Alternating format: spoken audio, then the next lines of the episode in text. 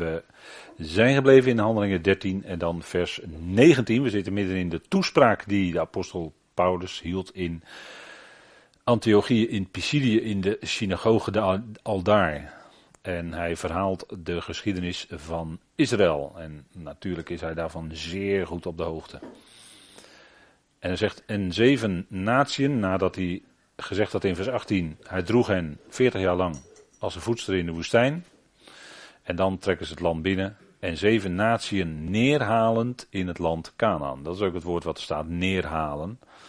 En dat wordt uh, ook gebruikt in uh, bijvoorbeeld, dat kent u wel die tekst denk ik, in 2 Korinthe 10 als Paulus het heeft over de bolwerken. Bij de bolwerken neerhalen, zegt hij dan, die tegen de kennis van God worden opgeworpen. En dat, dat zijn er nogal wat hoor, ook in onze dagen. Worden er altijd bolwerken opgeworpen van filosofie, van afwijkende leringen, van uh, mengevangelieën, noem maar op. Allemaal bolwerken die worden opgeworpen tegen de kennis van God. Nou, dat woord neerhalen, die bolwerken neerhalen. En de autoriteit, de autoriteit van de apostel Paulus lag in het woord van de verzoening wat hij predikte. Daar lag zijn autoriteit. Dat zegt hij ook hè, in 2 Korinthe 10. Daar is ook een, ja, mag ik bijna niet meer zeggen, daar is ook een brochure over verschenen. Het woord van verzoening. Uh, maar zeven natieën, en dat haalde de apostel aan uit Deuteronomium, want daar staat dat, Deuteronomium 7, laten we het even met elkaar opzoeken, uit de Torah dus. Deuteronomium 7, Devarim. En dat is uh, de slottoespraak, zeg maar, voor Mozes, want die mocht niet het beloofde land binnentrekken. Want dat had met het slaan op de rots en zo te maken, weet u wel. En daarom mocht Jozua dat doen. Maar uh, hij haalt dan aan wat Mozes zegt in uh, Deuteronomium 7 en dan vers 1. Want de Heer uw God u gebracht heeft in het land waar u naartoe gaat om het in bezit te nemen. En hij vele volken voor uw ogen verdreven heeft. En dat moest nog gaan gebeuren. Hè? De Hethieten, de Gergasieten, de Amorieten, de Canaanieten, de Ferizieten, de Hevieten, de Jebusieten. Zeven volken die groter en machtiger zijn dan u. En wanneer de Heer uw God hen aan u overgegeven heeft. En natuurlijk zegt u van ja, jo Jozua die ging strijd leveren met, uh, met manschappen enzovoort. Maar hier staat natuurlijk dat de Heer hen dat land zou geven. En dat is natuurlijk ook zo. Hè? Bovendien, het land is sowieso van de Heer. Dus als hij het aan Israël geeft, ja, dat is gewoon uh, één op één dan natuurlijk. Hè? Uh, hij zegt: Het land is van mij. Zegt hij in Leviticus 25, 26, die koers. Dan zegt hij: Het land is van mij, zegt de Heer, Jawel. Dus het land van Jawel. Dus hij geeft aan Israël. Dus klaar, dan ben je gelijk klaar. Alle politieke overwegingen kunnen per alle minuut opzij. Als dat woord van Jawel gaat gelden, en dat gaat natuurlijk een keer gebeuren hè, in de nabije toekomst, gaat het woord van Jawel gelden. En dan lezen ze in Leviticus dat het land is van Jawel en hij geeft het aan Israël. Dan ben je klaar.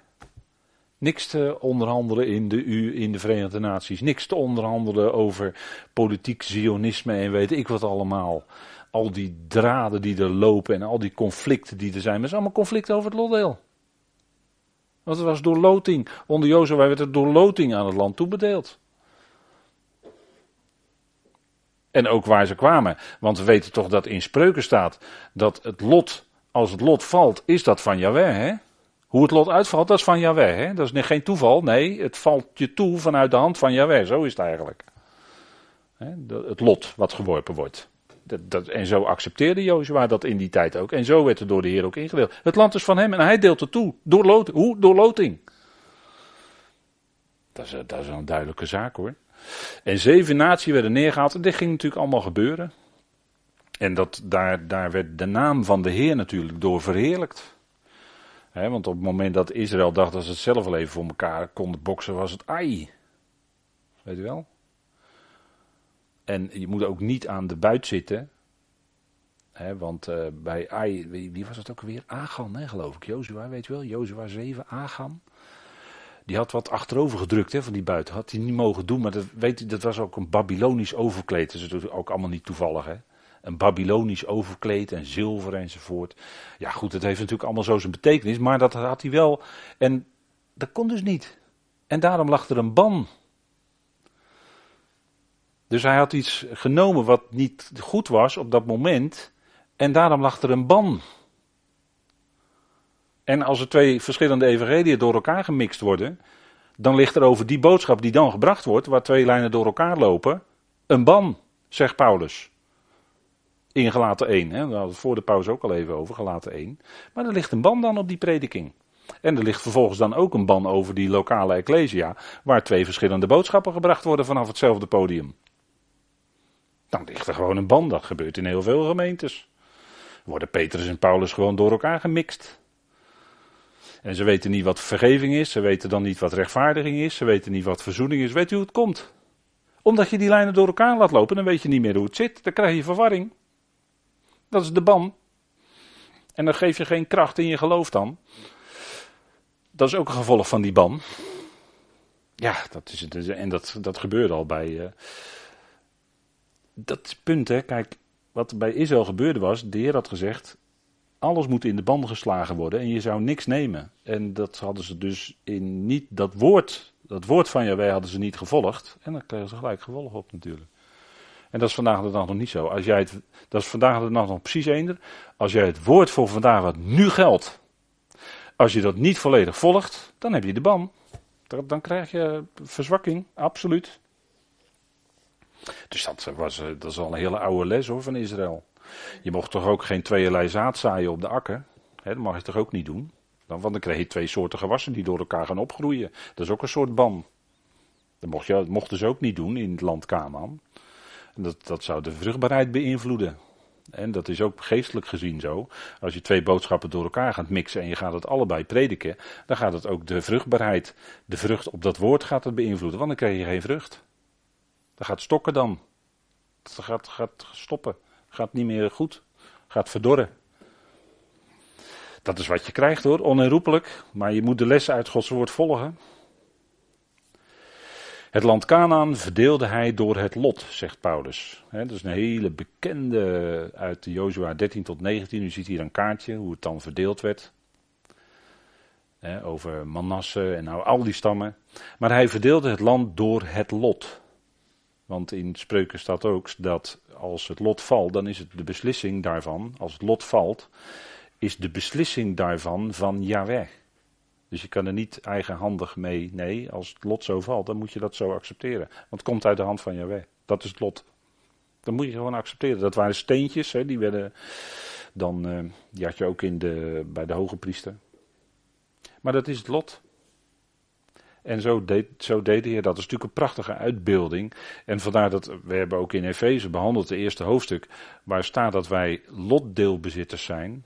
En dat is ontleend hieraan. Dit is het oorspronkelijke. Maar dat beeld wat Paulus dan daar gebruikt in Efeze 1, dat wij lotdeelbezitters zijn te midden van de hemelsen, is hieraan ontleend. Dus dat komt zomaar niet uit de lucht vallen, dat woord. En daarom heb ik, kijk, dat is ook het mooie van eh, de, de als, je, als je de dingen bij elkaar houdt. Dat is ook de concordante methode. Als je dingen bij elkaar houdt, dan heb je heel leuk, dat is woordfamilies. Nou, ik heb hier één voorbeeldje van een woordfamilie opgezet. Dat heeft te maken met Lot. En we gaan die tekst allemaal niet nalopen, maar dit is nou een voorbeeld van een woordfamilie in het Grieks. Dat is heel gezellig, zo'n familie. En dat hoort allemaal bij elkaar, want weet u, daar zit allemaal hetzelfde woord in. Het begint bovenaan met het woord lot, dat is kleros in het Grieks. Hè, zo, zoals je het schrijft hier, kan je het uitspreken.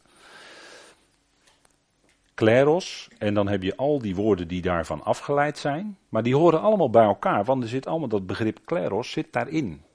En nou is de concordante methode dat je dat ook vasthoudt, dat begrip. En dat je dat ook zo blijft vertalen. Dat is heel belangrijk, want dan weet je wat er staat. Als er bijvoorbeeld staat lotdeel hebben, of lotdeel bezitten, of lottoedeling, dan weet je dat er steeds het woord lot in het Grieks staat. Als je het zo consequent vertaalt. En zo zou je het ook doen. Dat is de concordante methode. U begrijpt, als je daarvan af gaat wijken en je gaat allemaal andere woorden daarvoor invullen, dat je dan verwarring krijgt. Want als lezer weet je dan niet meer wat er staat. En dat is nou juist het grote voordeel van de concordante methode. Dat je dus vasthoudt van, oké, er staat daar lottoedeling in Efeze 1, vers 14 en 18. daar staat dus het woord lot. Kleros staat daar. En dan moet je nadenken, hoe zit dat dan? Nou, dat is datgene wat jou vanuit God is toegevallen in Christus. Want daar gaat de Efeze 1 over. En dat is als het ware, maar dan is het natuurlijk beeldspraak, omdat het voor ons gaat geestelijk te midden van de hemelsen. Ons lotdeel bezit daar boven. En dat is afgeleid van, dat is een afgeleide van hoe Israël door loting het land toegeloot kreeg. Zo hebben wij boven, te midden van de hemelsen, als het ware een gebied, maar dat zegt tussen aanhalingstekens, maak ik dat gebaar hè. Het gebied wat ons wordt toegewezen is ook dan door loting in Christus. Dat is, dat is het beeld. Dat is dan beeldspraak, maar het is wel ontleend aan datgene wat in de schrift, wat we uit de schrift kennen. En weet u wat nou het mooie is? Dat, dat woord lot doet ook herinneren aan God die het geeft. God die het geeft. Hij, geeft, hij heeft dat lotdeel aan hen gegeven. En het was ook in Israël, want Israël was lange tijd een agrarische samenleving. Werd ook in dorpen, werd ieder jaar, ieder jaar werd er verloot wie welk stukje grond kreeg. En ze accepteerden dat ook als van God, van Yahweh. Dat ze dat ieder jaar weer toebedeeld kregen. Dus er werd jaarlijks geloot in Israël. Wat voor stukje grond ze kregen. En dat, en dat aanvaarden ze dan uit de hand van God. Dan zie je dus dat elk jaar werden ze aan herinnerd. Dat wat ik heb ontvangen, is van God. Heb ik van God ontvangen. Dus dat is prachtig als je, dat, als je dan ook dat begrip lot vasthoudt in je vertaling. En natuurlijk is dat in heel veel vertalingen, ook in de herziene statenvertaling die ik hier heb liggen, is dat heel vaak wegvertaald als erfenis of erfdeel. Maar dat, dat staat er niet. Dat is mijn bezwaar. Er staat lot, lottoedeling, lotdeelbezit. Dat staat er eigenlijk. Dus daar moet je dan bij blijven. Dat is, dat is eh, denk ik duidelijk. Hè? En dat is heel, voor Israël was het heel duidelijk. Alleen wij zijn van de natie en we zijn helemaal niet gewend om op die manier te denken. Maar dat is nou juist wat de schrift doet. De schrift verandert jouw denken, zodat je leert denken vanuit God. Want daar gaat het natuurlijk om. Je moet leren denken vanuit God. En niet leren denken zoals men overal Dus dit over lotdeel. Paulus, kijk, Paulus die zegt, het land verdeelde hij, met een hoofdletter, jawel, door het lot. En dat liet hij door Jozua doen. En dat viel, en dan kreeg elke stam kreeg zijn eigen bezit, zijn eigen gebied. Goed, gaan we verder naar vers 20. En Paulus die stapt dan eigenlijk in grote stappen door die geschiedenis van Israël heen. En zegt hij, hij verdeelde dat door het, uh, en dat was een hele periode. En hij gaat, hij gaat dan heel snel, want dan zegt hij ongeveer 450 jaar. En als je dat heel precies uit gaat zoeken, dan kun je misschien zeggen, en er zeggen verschillende commentaren dat het dan niet precies, maar dat is ook precies wat hij zegt, hè? ongeveer 450 jaar. Maar het gaat om die 450 jaar natuurlijk. En na deze gaf hij richters tot Samuel de profeet. Dus liet hij door richters, en u ziet hier een plaatje dat uh, heb ik uh, erbij gezet. En er waren natuurlijk veel richters, maar hier had je dan Deborah en Barak bijvoorbeeld. Hè, maar ook bijvoorbeeld Gideon was een richter en Simson en noem ze allemaal maar op. En, allemaal, en dat zijn ook geschiedenissen die een diepere betekenis hebben. Die hebben een typologische, profetische betekenis. Het zijn niet zomaar geschiedenissen die zomaar in de schrift staan. Nee, dat heeft een betekenis. Maar waar het hier om gaat is dat God die stelde die richters aan en door middel van die richters regeerde hij. En tot op Samuel de profeet. En u weet de geschiedenis van Samuel en dat is God hoort, hè? mooie naam, God hoort. Dat vind ik altijd mooi om er toch even bij te zeggen. Samuel, El is dan God of eigenlijk de onderschikker. Hè, El is de onderschikker en eh, Samuel, dat woord, eerste deel van het woord heeft te maken met horen. God is de horende. En dat was natuurlijk op gebed gevraagd van uh, Hanna, meen ik. Hè? U weet wel, Hanna en Penina. Hanna en Penina. En Hanna, die kreeg dan op haar gebed Samuel, God hoort. En toen hoorde Samuel later ook een stem. En dat was de stem van God. Toen werd hij geroepen tot profeet. Want in die dagen, uh, in die dagen was het woord daar staat er, ja, in de vertalingen denk ik, dan staat er dat het woord schaars was in Israël. Dus er moest weer een profeet komen die dat woord sprak. Want nogmaals, dat woord van God is er, maar dat moet ook gesproken worden. En daarvoor waren die profeten, die waren om Gods woord te spreken. Die waren er om te zeggen, zo zegt Yahweh. Dat, en, uh, en dan kwam de profetie, en dan zie je bijvoorbeeld bij een profeet als Ezekiel, zie je heel vaak erop dat zij zullen weten dat ik Yahweh ben. Wordt dan de profetie mee afgesloten. En wat Ezekiel profeteerde, dat ging ook in vervulling. En zal nog in vervulling gaan, want heel veel in Ezekiel is nog niet vervuld. Hè? Dat gaat nog komen. Dat is allemaal nog toekomstmuziek. Hebben we met elkaar stilgestaan tijdens de studie Openbaring bij Gog en Magog. En als je die studies hoorde, was het misschien toch wel verrassend wat daaruit kwam. Want er zijn allerlei theorieën en het internet is heel groot. En allemaal denken ze dat uh, Rusland en Turkije en uh, noem alles maar op. En Meshech en Tubal en Meshech is dan Moskou. En ja, ja, ja, het zal allemaal wel. Maar je moet eerst kijken, wat staat er nou geschreven en wat betekenen die woorden? En wat heeft ermee te maken? Dat is bijvoorbeeld ook bij, kom ik even terug op deze, de zogenaamde engelenwereld. Er wordt ook in uh, besproken het begrip Nephilim. Wat zijn nou Nephilim? Dat vragen veel mensen zich af. Ik herinner me dat ik in, uh, denk ik was 19, 1 of 82 of zo, deden we deur aan deur uh, werk, evangelisatie, deur aan deur, vanuit de tentcampagne. En toen kwamen we bij een meneer aan de deur en ik kan me dat zo goed herinneren, want ik, ik had geen idee waar hij het over had. Want we, we zeiden wie we waren en we, we, uh, die merkte dat we, christelijk waren kennelijk. En uh, toen zei hij uh, een beetje streng zo. Als jullie mij kunnen zeggen wat Nephilim zijn, dan mag je bij me terugkomen. Dat ben ik nooit vergeten. Want dat, dat, dat, dat was ineens heel indringend. Maar daar worden allerlei theorieën aan opgehangen. Dat dat reuzen waren en noem maar op. Hè. Maar als je nou het woord Nephilim in het Hebreeuws gaat opzoeken wat nou de betekenis is van dat woord, ja, dan kom je op een heel ander verhaal uit. En als je het ook contextueel gaat bekijken in Genesis 5 en 6, waar gaat het daar eigenlijk over? Het gaat om de lijn van onderschikking. Eel, hè? Samuel. Eel is onderschikker. Het gaat daar om onderschikking. Het gaat daar om de lijn van onderschikkers. En die werden allemaal, en die, die ene onderschikker leefde zo lang en hij stierf. En dan komt de volgende onderschikker en die leefde zo lang en hij stierf. Daarom staat dat er zo. Omdat dat mensen waren die in die lijn van onderschikking stonden en daar heeft het woord Nephilim mee te maken. Maar daar kom je achter als je niet allerlei, laat ik maar zeggen, apocryfe theorieën aan, uh, aan gaat nemen buitenbijbelse theorieën, want die deden er zoveel de ronde in, in de tijd van de Heer Jezus ook. Die deden zoveel de ronde. Maar als je teruggaat naar wat de schrift zelf zegt, wat zijn nou die Nephilim? Ja, dan kom je, dan kom je met, met goede uitleg vanuit de grondtekst kom je, erachter, kom je erachter hoe het zit. En in het tekstverband laten staan. Hè? Niet zomaar zeggen van daar staat zonen gods in, die, in dat bijbelboek. En in Genesis 6 staat ook zonen gods en dat met elkaar verbinden. Kan je niet doen, kan je niet doen, is wel dezelfde uitdrukking, maar je kan niet met elkaar verbinden. Je moet elke keer kijken in welk tekstverband wordt dat gezegd. In welk bijbelboek, in welk tekstverband.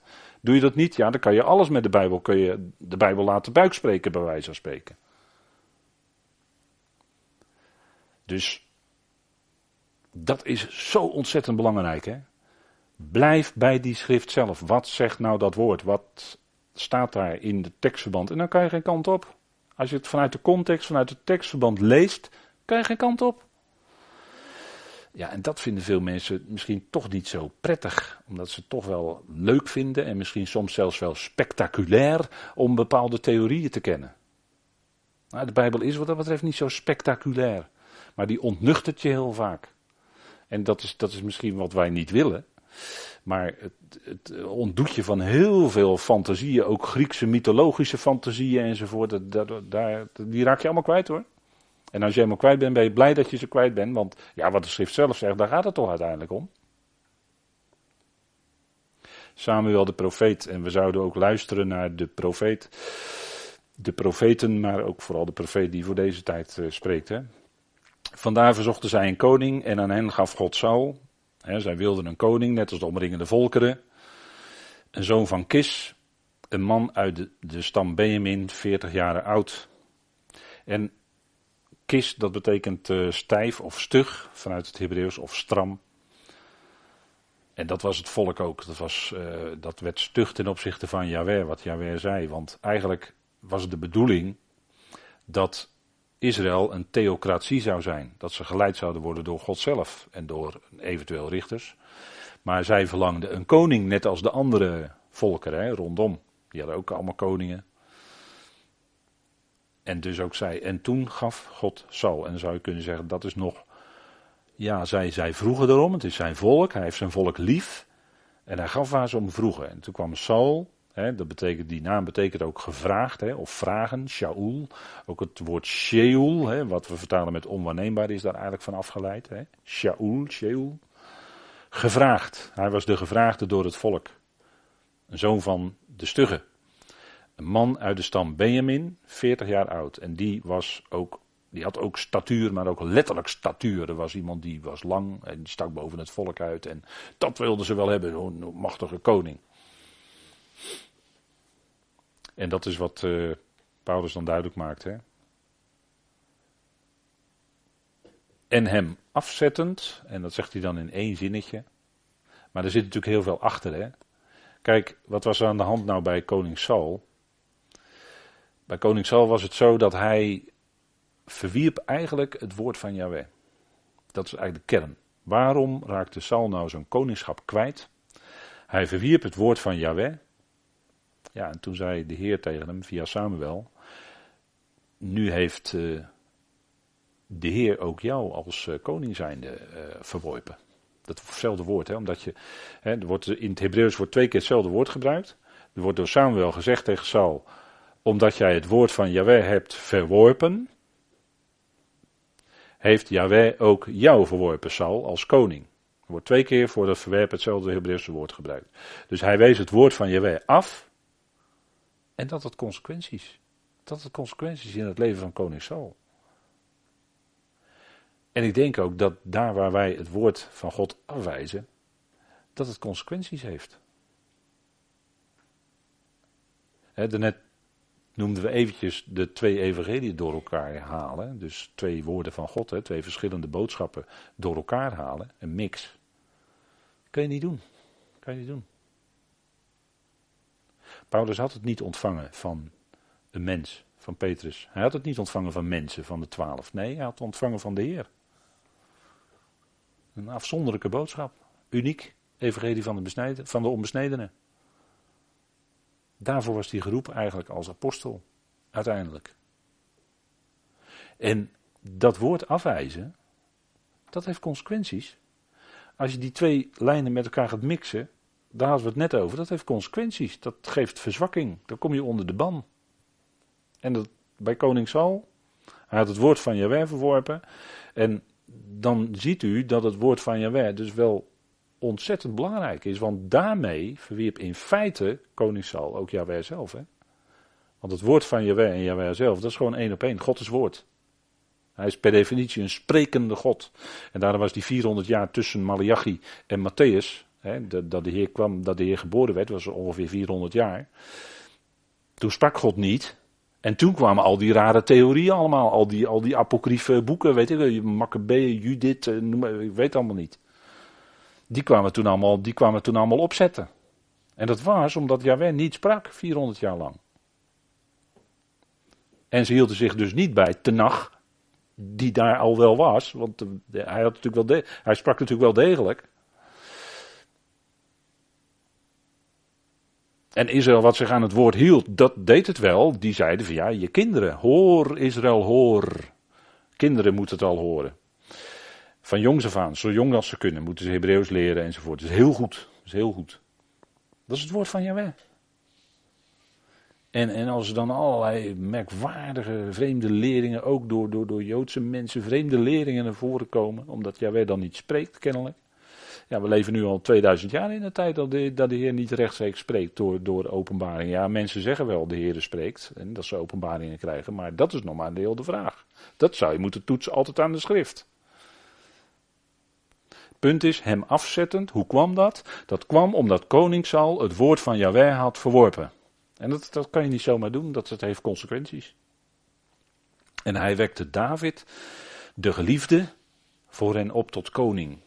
Tot wie hij getuigend ook zei: Ik heb David van Isaïe, een man naar mijn hart bevonden, die heel mijn wil zal doen. En is dat niet een prachtige heenwijzing naar de gezalfde? David werd drie keer gezalfd, maar de gezalfde bij uitstek was David natuurlijk een heel groot type van. Hè? Profeet, priester, koning, de Heer Jezus Christus zelf. Dat was in feite uiteindelijk de man die God zond, zijn eigen zoon. En waarvan hij zei, naar mijn hart, en die heel mijn wil zal doen. En het woord wil staat hier in meervoud trouwens. Maar die Heer Jezus Christus, die zou heel de wil van God doen. Het was zijn eten en drinken om de wil van de Vader te doen. Hij wilde alleen spreken wat hij de Vader hoorde spreken. En hij zei, niet mijn wil, maar uw wil. Daar was David natuurlijk een prachtig type van. David was de man naar Gods hart. Want kijk, God kijkt door die buitenkant van ons heen. Hè? Dat zei Samuel ook. De Heer ziet aan, 1 Samuel 16 staat dat. Hè? De Heer ziet aan wat voor oog is, maar God ziet het hart. God kijkt er dwars doorheen door die buitenkant van ons.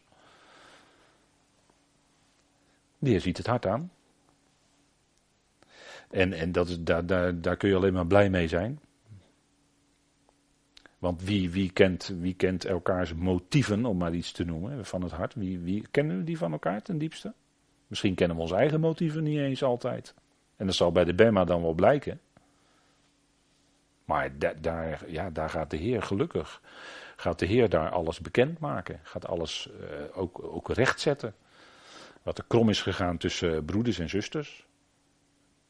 En wat, wat fout is gelopen, waardoor verwijdering is ontstaan en waardoor conflicten zijn en waardoor verdeeldheid is en al dat soort dingen. Dat komt allemaal bij de BEM aan de orde. En dat is echt niet zomaar even van, uh, dat, dat gebeurt even in, in no time hoor, die BEMA. Dat is echt wel een hele sessie hoor, zal dat worden. Dus gaat de Heer echt wel tijd voor nemen. En dan op grond van die BEMA, daar zal de hele, de hele Ecclesia, de gemeente die het liggen van Christus is, op grond van dat BEMA-moment, zal die hele gemeente, die hele Ecclesia, dat hele lichaam van Christus, te midden van de hemelsen in de bediening komen. Iedere gelovige hoort er dan bij. En dan zullen we ook Gods wil mogen doen. Maar hier werd het van David gezegd, hè. Ik heb David van Isaïe, een man naar mijn hart bevonden. Waarom? Omdat het hart. En natuurlijk David, genoeg fouten maakte die. Maar toch was Davids hart, ging uit naar God ging uit naar, naar. En daar spreken ook zijn psalmen van. Ik heb David van een man naar mijn hart bevonden, die heel mijn wil zal doen. Wil je nog een mooiere profetische uitspraak hebben over de Heer Jezus Christus dan deze? En, en in een beeld, hè, in, in een beeld profetisch gezien, is eigenlijk de regering van onder koning Saul. Hè, want dat vragen wat in zijn naam zit, kan je ook, dat kan je ook vertalen misschien met eisen zelfs wel. Als je het wat sterker vertaalt, dat mag dan, dan is het eigenlijk een uitbeelding van de heerschappij van de wet. Hè? De periode dat koning Saul regeerde. Die eiste veel van het volk. En daarna kwam David, de geliefde. Hè, want dat betekent zijn naam, geliefd. En dat is eigenlijk een uitbeelding van de regering van de genade waarin we nu leven. Hè, dat zijn van die mooie. Kijk, koning Saul wilde David doden. Koning Saul vervolgde David. En zo is het altijd. Want zegt Paulus niet in de gelaten brief dat de, degenen die in slavernij zijn vervolgen de vrije. En in, in, onder, onder wettisch systeem ben je altijd in slavernij. En dat is vandaag de dag nog steeds zo. Als je in een wettisch systeem of in wetticisme leeft, dan, dan, uh, dan zullen die mensen die zo wettisch zijn, die zullen degenen die vrij zijn vervolgen. Dat is, dat is, dat is vandaag de dag nog precies eender. Dat maakt Paulus duidelijk hè, in, in de gelatenbrief, gelaten 3, 4. Dan gaat het over Hagar en Sinaï, weet u wel. Hagar, dat is de berg Sinaï, dat, die is in slavernij. En uh, Hagar, of uh, Saris, is dan het Jeruzalem boven, weet u wel. Dat is vrij. En dat is, dat is een uitbeelding van twee principes. Slavernij en vrijheid. Wet en genade. Die dingen moet je uit elkaar houden. En dat heeft ook te maken met die twee boodschappen met elkaar vermengen. Kun je niet doen. Kun je niet doen. Dan is de genade geen genade meer. Als je de, werken bij gaat mengen, kan je niet doen. Dan verlies je de kracht. Dan is Christus je in de praktijk niet tot nut, zegt Paulus. als je onder, onder wet, wetticisme, wettische dingen gaat leven, regels, dan val je uit de genade, zegt Paulus in Galaten 5. Dan val je uit de genade. Dus dan ken je niet meer in de praktijk die actieve werking van de kracht van Christus, van de kracht van de genade in je leven. Maar dan wil je het zelf gaan doen. Dat zijn twee verschillende principes. Dat is heel duidelijk hoor. hebben we uitgebreid gezien met de gelaten brief. En het leven is door de geest. Hè, gelaten 5, leven door de geest. En vlees aan de kant. Mede gekruisigd. Het woord kruisigen wordt ook genoemd in de gelaten brief meerdere keren. Dus ja, dat is heel duidelijk. Hè.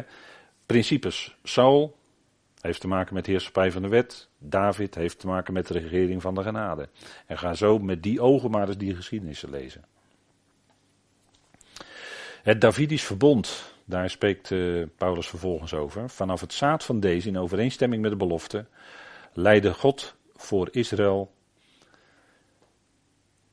een redder, Jezus, die dus rechtstreeks afstamt van David. Naar het vlees stamde hij af van koning David. le, uh, leest u maar Matthäus 1, dan kun je het zo nalezen. Hij stamde af van koning David, aan de Davidische lijn. Daarom kon hij ook koning zijn. De heer was uit de stam van Juda. Naar het vlees gerekend dan, naar het vlees van David afkomstig. En dat zegt Paulus hier, hè? Naar het, vanaf het zaad van deze in overeenstemming met de belofte leidde God voor Israël een redder, Jezus. dus dat is rechtstreeks die lijn.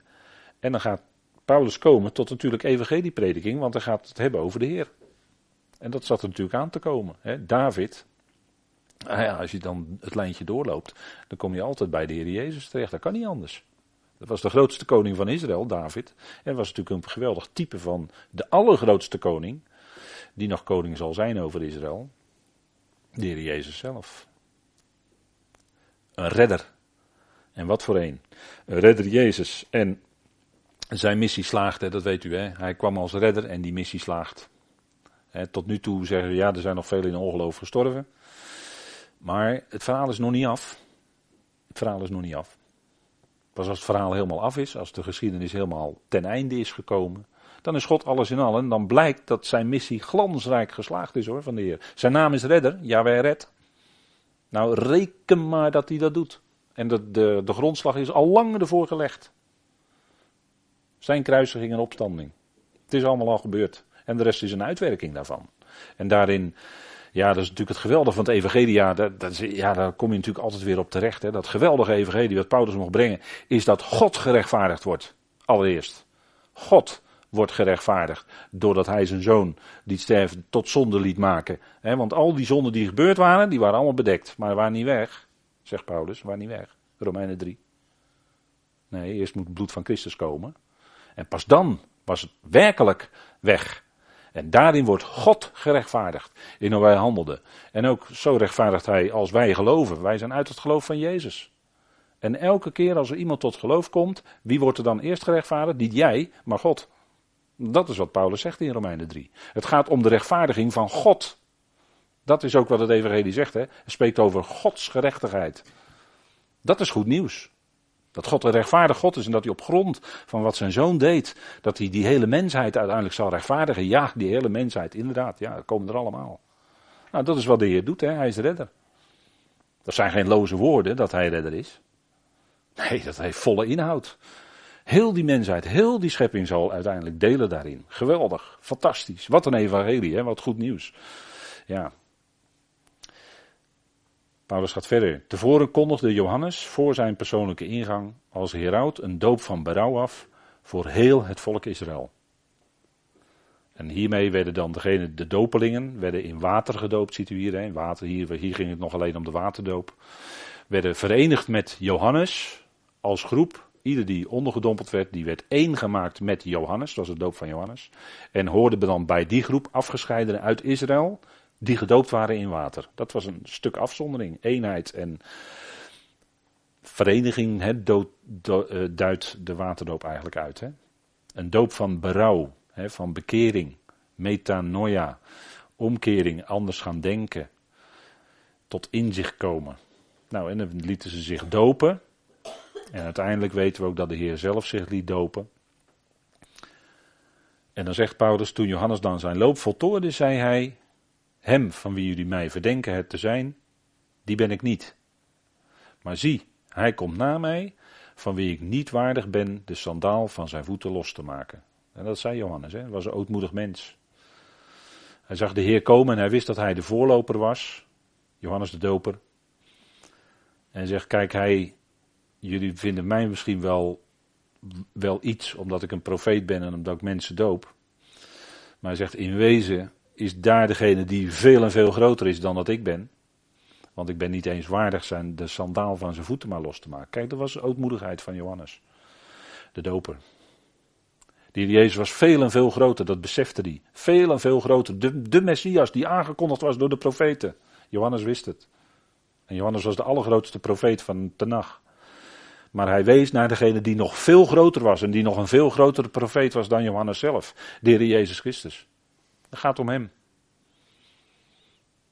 En, en dat is wat we, wij ook beseffen. We zijn in onszelf absoluut onwaardig.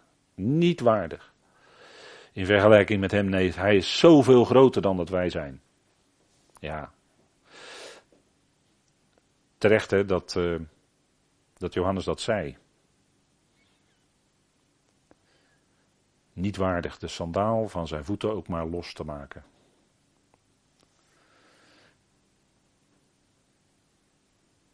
En dan komt eigenlijk de ommekeer, zou je kunnen zeggen, in de prediking van Paulus.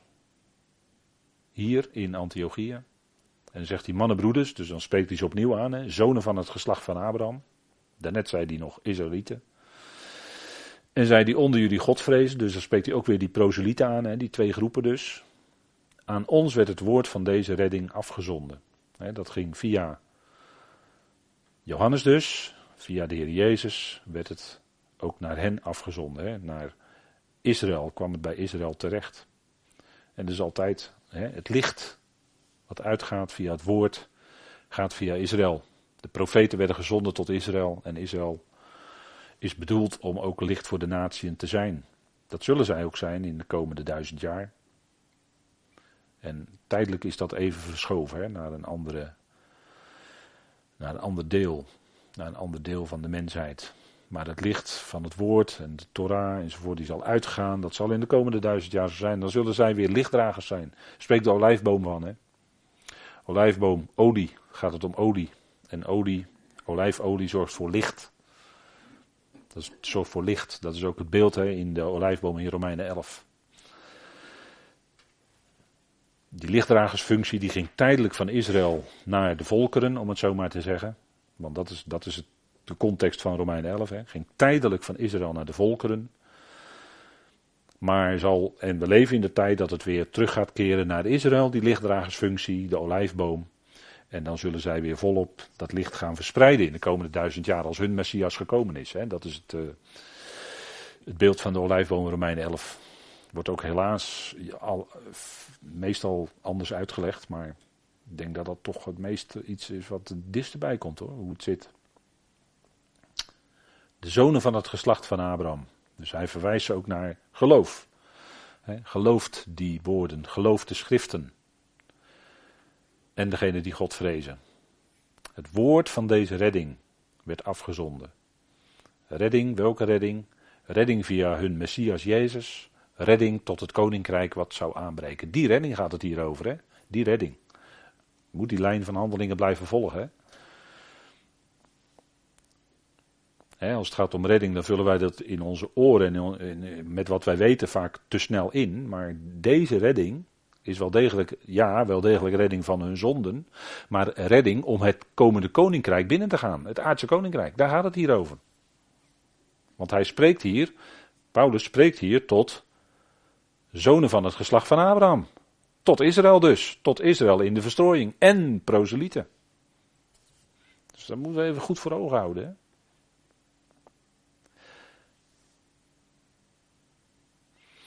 Want zij die wonen in Jeruzalem en hun vorsten, onwetend zijnde over hem en de stemmen van de profeten, die op iedere Shabbat gelezen worden, vervulden ze door hem te richten.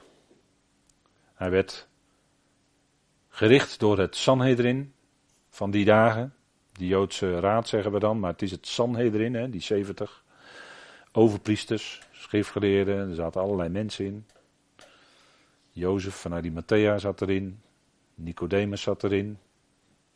En er, waren wel, er waren er wel onder het Sanhedrin die het wel zagen wie hij was. Maar nochtans, het Sanhedrin als geheel, dat richtte hem en ze leverden hem over aan Pilatus. Om uh, gekruisigd te worden.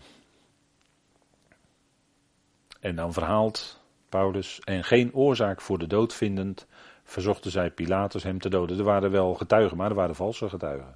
En waar kennen we dat van? Hè? Er waren valse getuigen.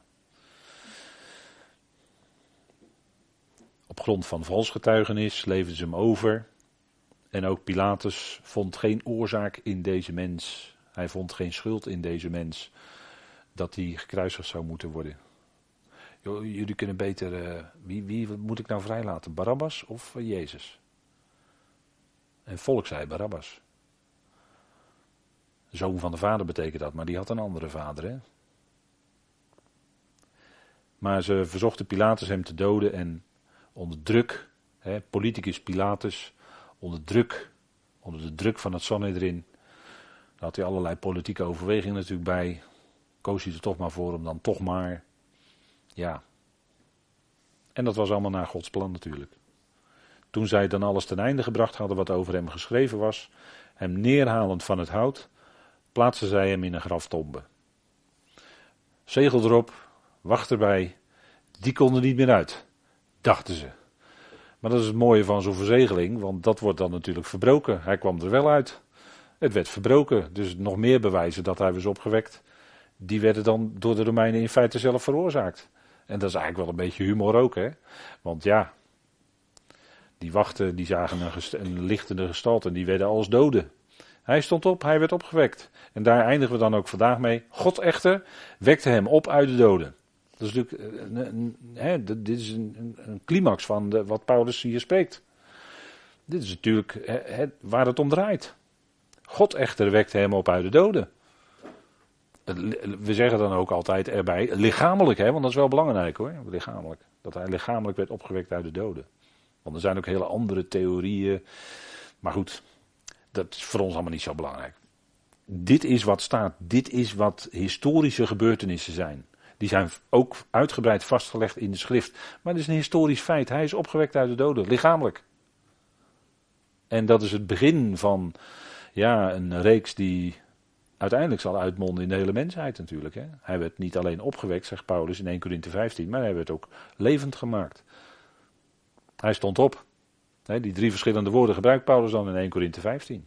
En dat is natuurlijk het geweldige, want ja, als hij in het graf zou zijn gebleven, dan zegt Paulus, ja, maar dan is hij niet opgewekt uit de doden. Hè. Waren in, in, in Korinthe notabene, waren mensen die leerden dat er geen opstanding van de doden zou zijn. Of dat het al geweest is. Zoals Hymenaeus en Philetus zeiden. Bekende truc van de tegenstander natuurlijk, om, om verwarring te zaaien daarover. Maar het is een geweldig feit, de Heer is opgewekt uit de doden. Als eersteling van degenen die ontslapen zijn, zegt Paulus. Maar daarvoor trekt hij wel de consequenties. Ja, maar let op, als Christus niet is opgewekt. Ja, wacht even, dan zijn wij de beklagenswaardigste van alle mensen. de meest te lamenteren van alle mensen, met een ander woord gezegd. En dan ben je nog in je zonde hoor. En dan zijn degenen die in Christus gestorven zijn, die zijn nog in hun zonden, zegt Paulus er ook bij. Hè? Dus die opwekking uit de dood is wel de kern, hè? Wezenlijk. Wezenlijk. Opgewekt, zegt Paulus, vanwege onze rechtvaardiging. Hij werd opgewekt uit de dood, lichamelijk. Geen twijfel mogelijk. Er zijn zoveel bewijzen. Wat wil je nog meer? Hij verscheen in één keer aan 500 broeders tegelijk. Die konden ervan getuigen. 500 tegelijk, alsjeblieft. Wat wil je dan nog meer? Er zijn zoveel ooggetuigen. En de schrift zegt het. Wat wil je nou nog meer? dat is natuurlijk geweldig. En dat biedt geweldige verwachting voor de toekomst. Daardoor hebben wij geweldige verwachting op een heerlijkheid die gaat komen. En, en bijzonder is dat degenen die in Christus gestorven zijn van het lichaam van Christus, die zullen het eerst opgewekt worden. In onsterfelijkheid, net zoals hij nu al is. Dat is geweldig, hè? En dat is onze verwachting.